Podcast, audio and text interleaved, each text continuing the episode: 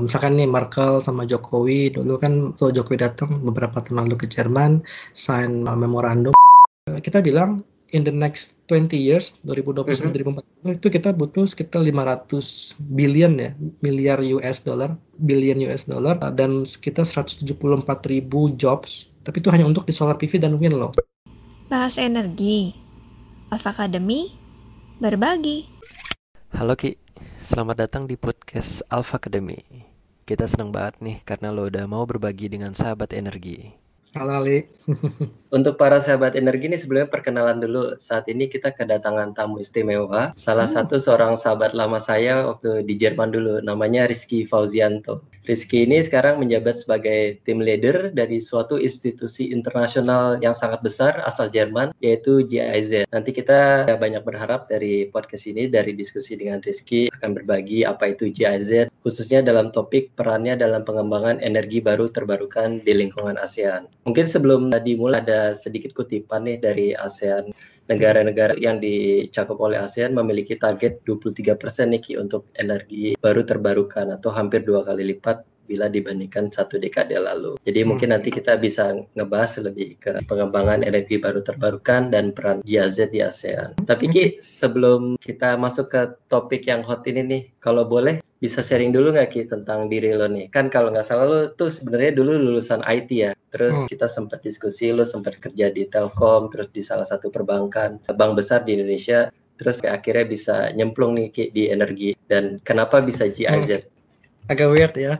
Oke lah, thank you Li. Selamat sore semua pendengar tim Alpha Energi juga. Terima kasih buat mengundang saya. Nama saya Rizky Fauzianto. Seperti yang dibilang sama Ali, saya kerja di GIZ untuk proyek regional energi di Asia Tenggara. Mungkin buat yang belum tahu apa sih GIZ itu, tadi Ali bilang institusi, tapi mungkin saya koreksi sebenarnya itu lebih kayak organisasi atau agensi. Dia federal agency dari Jerman yang bermarkasnya di Eschborn di Jerman. Nah, dia provide services di bidang international development cooperation lah dia punya sekitar 20.000 staff around the world dan mainly sih implement technical cooperation project di many sector, many countries. Project gue kebetulan energy sector di Asia Tenggara, di mana gue mesti di link sama energy ministries dari all 10 Asian countries. Uh, utilitiesnya kayak PLN, tapi PLN-PLN Asia Tenggara, sama juga our counterpart Asia Center for Energy, lalu stakeholder yang lain seperti bank, akademia, project developers. Nama project uh, saya tadi Asian German Energy Program or AGEP, kita udah di sini dari 2006, 2007 lah, 13 tahun tahun yang lalu kita punya 7 million euro untuk yang pace terakhir ini sampai 2022 dan 15 activities ada sekitar 10 staff di, di tim kita di AGEP dan activity kita bermacam-macam sih. Ada yang touching sama policy maker kayak governmentnya ada yang touching sama bank financiers ada yang touching sama youth akademia juga ada yang touching sama utilities dengan PLN dan lain-lain kayak smart grid. Nah tadi pertanyaan Ali gimana sejarahnya bisa masuk ke GIZ awalnya mungkin kayak ada opening waktu itu kan vacancy di Bank Mandiri. Ya udah jadi ODP gue jadi bank selama tiga setengah tahun hampir empat tahun lah. Terus habis itu kan ada semacam kayak dia dulu kan punya kayak mimpi pengen di Jerman itu pengen sekolah di Jerman karena emang ada dulu ada hmm. keluarga di sana. Terus hmm. lah sebenarnya zaman gue itu belum ada LPDP ya. Jadi itu gue kayak beberapa bulan ada sebelum ada LPDP mungkin kalau ada LPDP gue akan nungguin dulu kali. Tapi ada LPDP jadi gue bener-bener tabungan gue dari kerja di Bank Mandiri gue pakai buat biaya hidup di, di Jerman Nah, untungnya waktu itu gue dapat beasiswa juga dari pemerintah Jerman di Bavaria sama dari kampus. In the middle tuh gue nikah juga. Jadi gue juga hidup sendiri sama sekaligus ada istri gue di Jakarta. Jadi mau nggak mau gue mesti cari income juga tuh. Akhirnya dapat kerja juga waktu itu di Jerman di Linde perusahaan gas sama di institution namanya Tum Holzwischen Hub kalau nggak salah tentang kayak kayu-kayuan gitu. Nah itu jadi gue pertama lulus Telkom terus masuk ke Bank Mandiri Terus aku kuliah di Jerman sambil kerja di Linde perusahaan gas sama research institution. Balik dari Jerman, sebelum balik ke gue udah apply di GIZ. Dia semacam federal agency, tapi mungkin kalau di Indo tuh kayak Bapenas kali ya. Jadi dia kayak semacam organisasi agensinya Jerman buat ya international cooperation sama-sama semua negara, semua sektor gitu. Nah, gue ada apply di sana, dikirim lah untuk di ASEAN untuk proyek energi ini. Mungkin agak bingung nih kenapa dulu gue di Telkom IT, terus di bank, terus sekarang di energi. Tapi ada sebenarnya Iya. konektornya gitu. Itu project management. Jadi emang dan S2 gue pun tentang project management. Jadi emang di Telkom gue ke network project management tentang telekomunikasinya. Lalu di Mandiri pun gue IT project management juga buat kayak semacam project-project misalkan menghubungkan antara Bank Mandiri sama JP Morgan atau sama kayak Chevron sama ConocoPhillips seperti itu. Lalu di sekarang pun gue bergerak di bidang project management untuk project-project energi di Asia Tenggara. Jadi meskipun sebenarnya kue-nya beda nih, rasa-rasanya es krim deh misalkan strawberry, blueberry, tapi sebenarnya sama-sama es krim. Itu project management gitu. Asik, Jadi asik. kalau makanya project management menurut gue akan sangat-sangat penting apalagi kalau lu punya lisensi sertifikasi kayak PMP atau PMI gitu atau PRINCE nah itu will help you very much lah not only like my sector now international cooperation but also like any kind of field lah ya yeah, because you will deal in your work as a project gitu jadi itu mungkin kenapa gue bisa pindah-pindah tapi actually the one and only that connects them is project management Asik. Jadi emang red line-nya di project management ya Ki ya. Jadi walaupun yang beda gua jual. sektor di telco, perbankan, terus sekarang energi, justru sekarang experience-nya makin luas lah ya. Dan itu makanya waktu itu dulu gue alhamdulillah juga kerja di Bank Mandiri karena emang ODP itu kan semacam lu dilatih ya kayak lu belajar menjadi seorang manajer dan di bank itu kan lu ngasih loan ke banyak sektor banyak company Hmm, jadi lu mesti correct. menganalisa perusahaan oil and gas perusahaan telekomunikasi jadi lu belajar itu tuh proses bisnis dari masing-masing lah type of organization type of sector lah. Jadi emang lu ada satu skill yaitu project management tapi lu mesti bisa menguasai macam-macam sektor mesti tahu proses bisnis dari masing-masing industri itu sektor itu. Mhm. itu kan juga nanti akan kepake lo be it as a consultant, be it as ya international corporation, be it as anything lah. Apalagi kalau nanti udah jadi semacam BOD, ya lo mesti mempunyai kacamata dari semua itu, semua sektor itu. Betul, gitu. betul. Tapi beda-beda sih. Ada orang emang yang fokus ke spesifik skill IT, dia coding aja. Mungkin dia akan jadi someday BOD di uh, CTO misalkan. Tapi kalau gue lebih ke yang project management, tahu semua sektor, jadi mudah-mudahan bisa lebih open door aja sih. Cuman emang challenge-nya nanti lo pasti akan ditanya terus lah tiap lo interview, kenapa ini pindah ke sini, kenapa ini ke sini. Gue akan selalu jawab, konektor gue adalah project management. Make sense ya Ki. Thank you Ki. Jadi menarik banget sih Ki sharing tentang experience lo ya, terutama dari sisi karir yang loncat sana loncat sini, tapi ternyata ada red line-nya. Nah, gue pengen gali lebih dalam nih tentang GIZ dan sebenarnya ada nggak sih relasi GIZ dengan pemerintah Jerman? Kenapa sih GIZ mau membantu ASEAN terutama dalam energi baru terbarukan? Apakah ada timbal baliknya atau gimana Ki hubungannya Ki? Ya tadi ya yang gue bilang dia kan GIZ itu adalah federal agency. Mungkin Hmm. kalau di Indonesia kayak Bappenasnya lah Jerman. Misalkan nih Merkel sama Jokowi dulu kan tuh Jokowi datang beberapa tahun lalu ke Jerman sign memorandum sama si Merkel tentang TVET. TVET itu kayak technical vocation. Di Jerman kan bagus tuh tentang kerja praktiknya, technical vocationnya. Akhirnya ya udah mereka sign kontrak nanti menjalani GIZ-nya. Jadi GIZ itu Hmm. lebih ke perpanjangan tangan pemerintah Jerman buat membantu program tapi di bidang teknisnya aja. Ada juga Oke. Finansialnya namanya tuh KFW itu kalau itu lebih ke financial aid-nya lah kayak dia memberikan bantuan berupa duit kayak pinjaman gitu. Tapi kalau kita lebih ke technical assistance. Nah tadi kenapa GIZ mau bantuin Jerman? Bisa ada dua jawaban. Jawaban yang diplomatis banget, ada jawaban yang emang bener lah gitu. Yang pertama Hmm, gue pernah hmm. nanya ke ex bos gue dulu udah di Jerman sekarang orang South American kan kenapa sih Jerman mau bantuin ASEAN gitu. Ini jawaban diplomatis ya. Pertama gue diplomatis dulu aja deh. Karena misalkan nih contohnya kayak refugee atau misalkan kayak energi itu kan hubungannya ke climate change juga ya. Betul. betul. Misalkan Indonesia atau ASEAN, Indonesia sama Vietnam kan the biggest coal producer lah ya. Mereka carbon emission-nya tinggi banget. Misalkan nih Indonesia sama Vietnam terus pakai si coal di power generation-nya. Nanti kan lama-lama akan tetap aja karbonnya tinggi tuh. Satu tempat kena efek dari si coal itu nanti akan berefek juga ke Eropa, which is nanti ke Jerman. Jadi Jerman melihat ada masalah di tetangga pun lu masih benerin karena pasti akan lambat laun akan ke situ juga. Kayak refugee juga sama. Mungkin masalah sekarang di Suriah atau di Irak atau di Middle East. Tapi nanti akan efeknya juga akhirnya bener kan ada yang dia mengeboman bombing dan lain-lain akhirnya Hmm. mereka bantulah project-project refugee ini itu jawaban diplomatis jadi intinya mereka melihat anywhere di mana pun pokoknya eh, pasti akan berefek ke negara mereka juga. Jadi mereka masih bantuin itu itu nah tapi kalau jawaban yang gue nanya sama bos gue baru-baru ini kita ada kayak semacam sharing gitu gue ngomong sama sama dia kenapa sih kita, mau bantuin ASEAN? Ada beberapa poin sebenarnya satu uh, stability sama bener stability. Jadi mungkin agak kaitan tadi dengan kayak refugee dan lain-lain kayak Mhm. kalau satu regional gak stabil gak stable nanti akan juga berefek ke ke region lain Yang kedua safeguarding all crucial sector sih kayak misalkan tadi energi energi itu kan merupakan yang krusial juga uh, topiknya sebenarnya.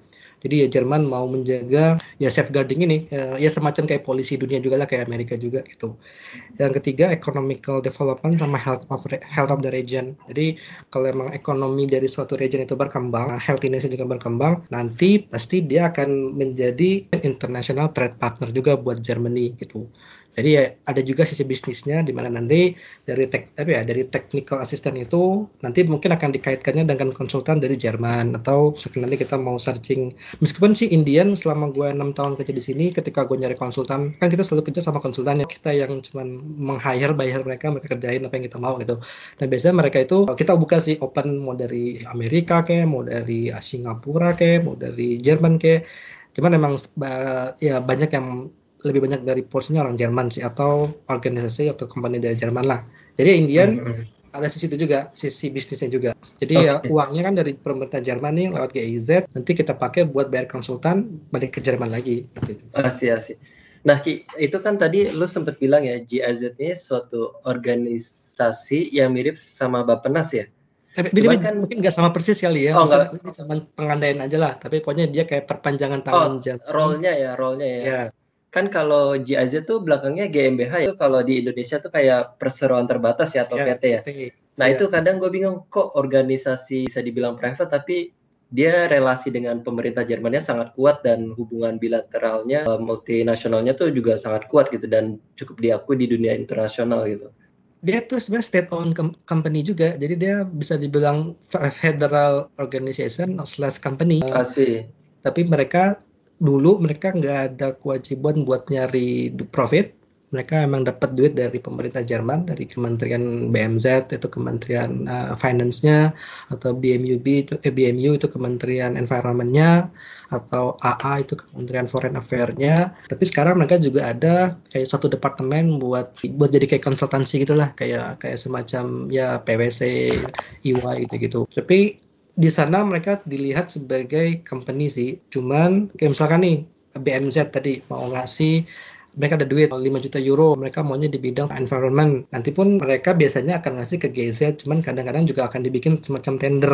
Nah tendernya ini bisa diikutin tuh macam-macam dari mana aja. Misalkan kayak counterpart gue, eh submit proposal, mereka mau jadi implementernya bisa juga. Cuman emang mostly pemerintah Jerman akan ngasihnya ke GZ buat ngejalanin gitu. Tapi okay, open okay. juga ya buat USAID pun atau UN pun juga EU pun kadang juga mereka ikut ngasih bantuan juga nih. EU kayak baru-baru ini mereka ada tuh gede 32 juta buat global tentang energi macam-macam sih. Energi itu ada 2 juta euro eh 2 juta ya euro kalau nggak salah. Terus pada daftar semua tuh dari all around the world. Dan GZ pun daftar juga buat dapetin 2 juta euro itu. Jadi juga GZ hmm. pun nggak nggak sama Jerman doang juga gitu. Mereka bisa daftar submit proposal buat menjadi implementer dari uh, ya, international development itu. Meskipun fundingnya datang dari European dari Amerika dan lain-lain gitu. Menarik. Jadi itu ternyata sebenarnya Jerman mencoba menghindari pertama efek domino ya kalau hmm. misalnya negara lain ada yang kacau apalagi menyumbang polusi ya mereka yang mencoba membantu karena ya di satu sisi kita tinggal di bumi yang sama gitu kan ya. Hmm. Jadi hmm. secara nggak langsung ya mereka proteksi diri sendiri juga sebenarnya. Dan yep. untuk hal-hal lain juga mereka juga pengen mensupport economical healthiness, safeguarding crucial sector dan lain-lain ternyata ya masuk akal sih kalau kenapa JZ atau pemerintah Jerman mau membantu Indonesian uh, atau ASEAN ya dalam hal ini. Dan baru-baru ini mungkin kalau mau gue tambahin lagi, ASEAN itu semacam kayak key partner loh buat Germany. Ada dua negara ASEAN juga yang menjadi kayak mm-hmm. semacam global, global partner champion gitu lah, which is Indonesia dan Vietnam. Jadi ini mungkin lebih banyak bagusnya. Ada yang beberapa negara lain mereka udah exit, udah nggak ngasih bantuan lagi, tapi mereka ngasih bantuan di, di ASEAN tuh yang yang gede itu ke Indonesia sama Vietnam. Mungkin karena mereka memang melihat dua negara ini di energinya masih banyak nih yang perlu diperbaikin. Gitu. Tadi dari sisi coal mungkin gitu. Kalau mereka udah mulai agak mengurangi ngasih funding ke Thailand misalkan. Tapi ada juga yang agak-agak sensitif mereka exit di misalkan di Myanmar itu karena ada alasan tertentu juga tentang security juga. Ya tentang itulah kasus HAM di sana. Jadi ada beberapa yang mereka karena memang mereka merasa ini udah, udah cukup dibantu ini mereka keluar. Ada yang beberapa hal political juga. Tapi Indian di di ASEAN mereka tetap melihat ini region yang yang akan mereka tetap fokus. Yang lain Afrika. Afrika tuh juga mereka melihat Afrika dan topik refugee itu juga sangat penting buat buat buat Germany. gitu. Oke, okay. Ki sebelum nanti uh, lebih fokus ke Indonesia dan Jerman, ya, ada hmm. satu nih kemarin gue sebelum ngobrol-ngobrol sama lo ada gue ada curi-curi juga baca tentang GIZ gitu. Gue ngeliat di website GIZ tuh ada program-program yang dibuat GIZ yang mendukung profesi green job nih Ki. Jadi selama hmm. ini kita ngobrol-ngobrol dengan audiensi sahabat energi banyak yang tertarik profesi green job nih Mungkin lo bisa sharing Ki, apakah GIZ mendukung juga profesi green job di daerah ASEAN, terutama Indonesia? Tadi gue udah udah agak menyentil dikit tentang tadi yang TVET tadi itu yang gue bilang antara Merkel sama Jokowi. Salah satu topik dari TVET itu vocational itu juga di energi loh. Nah kalau gue kan regional project ya, jadi mm. di GIZ itu ada tiga jenis level project, ada yang global project, beberapa region, at least dua region. Ada yang kayak gue regional project satu region, uh, berarti multiple mm. countries ada yang bilateral project mereka spesifik sama satu country saja nah di Indonesia tuh banyak tuh GIZ bilateral projects not only in energi tapi juga di bidang social protection di bidang palm oil di bidang corruption juga ada sama KPK gitu-gitu. Nah, ada satu project yang namanya TVET, namanya project ISET deh kalau nggak salah dan dia salah satu subtopiknya itu tentang energi Jadi mereka pengen mempelajari potensi dari green job ini nah, tapi ini baru baru mau mulai sih belum ada semacam studi atau apa-apanya Nah, tapi yang another bilateral project yang khusus tentang energinya, nah, itu udah bikin kok semacam analisa potensi green job di Indonesia. Kalau masa udah udah di launch deh beberapa bulan lalu. Mereka menghitung tuh analisa butuh berapa banyak sih untuk membuat power. Misalkan target kita nih mau tiga 10 gigawatt tuh ya misalkan berapa uh, butuh berapa job sih yang dibutuhkan sama si government Indonesia mereka kalau nggak udah bikin deh semacam semacam analisanya butuh berapa orang dan lain-lain itu ada sih perhitungannya kayak mau bikin solar panel atau wind power plant deh itu mm -hmm. atau geothermal atau uh, misalkan 3 3 gigawatt tuh berapa 2 megawatt berapa gitu-gitu deh di kita pun juga ada ASEAN. Kita baru aja launching kemarin namanya ASEAN Energy Outlook nomor 6, The Six ASEAN Energy Outlook. Itu baru aja mm -hmm. di launch di AMEM. AMEM itu kayak annual meeting of Minister of Energy meeting lah. Jadi kayak pertemuan tahunannya menteri-menteri energi se Asia Tenggara. Pak Arifin Tasrif pada di sana. Kalau dulu si Pak Jonan. Nah itu uh, kita baru launching kemarin Six ASEAN Energy Outlook dan salah, salah satu poin kita uh, kita bilang in the next 20 years 2020 sampai mm -hmm. 2040 itu kita butuh sekitar 500 billion ya miliar US dollar billion US dollar dan sekitar 174 ribu jobs tapi itu hanya untuk di solar PV dan wind loh jadi belum including wow. hydro dan lain-lain jadi in the next 20 years kita butuh sekitar itu ini Asia Tenggara tapi ya Asia Tenggara ngomong Asia Tenggara ya jadi potensi ya. green jobs tuh besar banget ya mm -hmm. Asia, makanya Asia apalagi sekarang kayak tadi lu bilang 23 persen. Ya benar target itu juga baru aja di nggak diresmin sih itu udah dari 2016 kan namanya. Hmm. ya emang makin gua agak mundur lagi banyak lagi terms yang baru namanya APAEC ASEAN Plan of Action on Energy Cooperation. Itu kayak semacam long term plan-nya lah 10 tahun uh, dari ASEAN itu buat mencapai target-target energi mereka itu dibuat mm -hmm. dari 2016 sampai 2025 nanti ada dua fase 2016 2020 2021 2025 nah the target 23% itu udah dari 2016 kemarin. Mereka mau 23% sekarang kalau nggak salah sekitar 17% jadi masih masih sekitar 8% lagi lah kita butuh menuju target kalau nggak salah ya. Nah apa namanya? Nah, tapi tuh mereka bikin tuh semacam menuju 25% ini apa aja yang kita butuhkan? Misalkan EV atau mau policy tentang biofuel. Jadi uh, kayak B30 di Indonesia udah mulai mau ke B, B50 sama juga di Malaysia juga udah mulai memakai biofuel di, dari palm oilnya. Nah ini udah mulai dibikin dan analisanya dan emang tadi dibutuhkan sekian ribu job. Ini tadi yang gue sebutin baru cuma wind sama solar doang belum sama sektor-sektor yeah. lain. Dan mereka udah punya lah plan-plannya Asia Tenggara ini dan emang gede potensi kita sebenarnya. Ya kita ya emang region yang banyak yang negara-negaranya yang berkembang kan Indonesia, Vietnam. Wah ini insight yang sangat menarik banget nih Ki, yang saya lo sharing nih. Jadi dalam 20 tahun mungkin ya anak-anak kita lah ya berarti yang bisa menikmati green job ini. betul betul okay. tapi itu dulu dulu gue juga kenapa alasan gue pilih Jerman dan TUM dan jurusan gue dan kenapa bisa ketemu lo dan teman-teman kita lo di sana. Hmm. karena waktu itu gue milihnya energi. Gue ngeliat energi ini jadi bakal topik di masa depan gitu loh. Sekarang kita mungkin masih punya ConocoPhillips, Chevron, Pertamina, gali-gali oil. Tapi kayak di Indonesia nih dari studi kita bilang 60 tahun lagi kita oilnya bakal habis loh. Kalau kayak sekarang speednya gitu. Negara-negara lain juga udah mulai berkurang lah reserve ke capacity. Unless kita nemuin yang baru ya kapasitinya iya, cuman yeah, yeah katakan kita nggak nemuin 60 tahun lagi bakal habis jadi ini perlu adanya suatu inovasi pindah ke yang baru nah kalau lu sadar hmm. sekarang pertamina namanya udah bukan oil and gas lagi tapi energy company gitu jadi mereka pun udah pindah melihat ke yang lain coba kalau lu search total udah ada ke solar PV, iya, betul, betul, betul, mulai geothermal dan lain-lain. Jadi emang udah pada pindah nih semua udah mulai mikirin, oh kayaknya emang oil sama coal udah gak bisa diandelin lagi deh, gue mesti mulai pindah nih cari yang lain gitu. Jadi emang hmm. renewable energy jadi topik masa depan lah.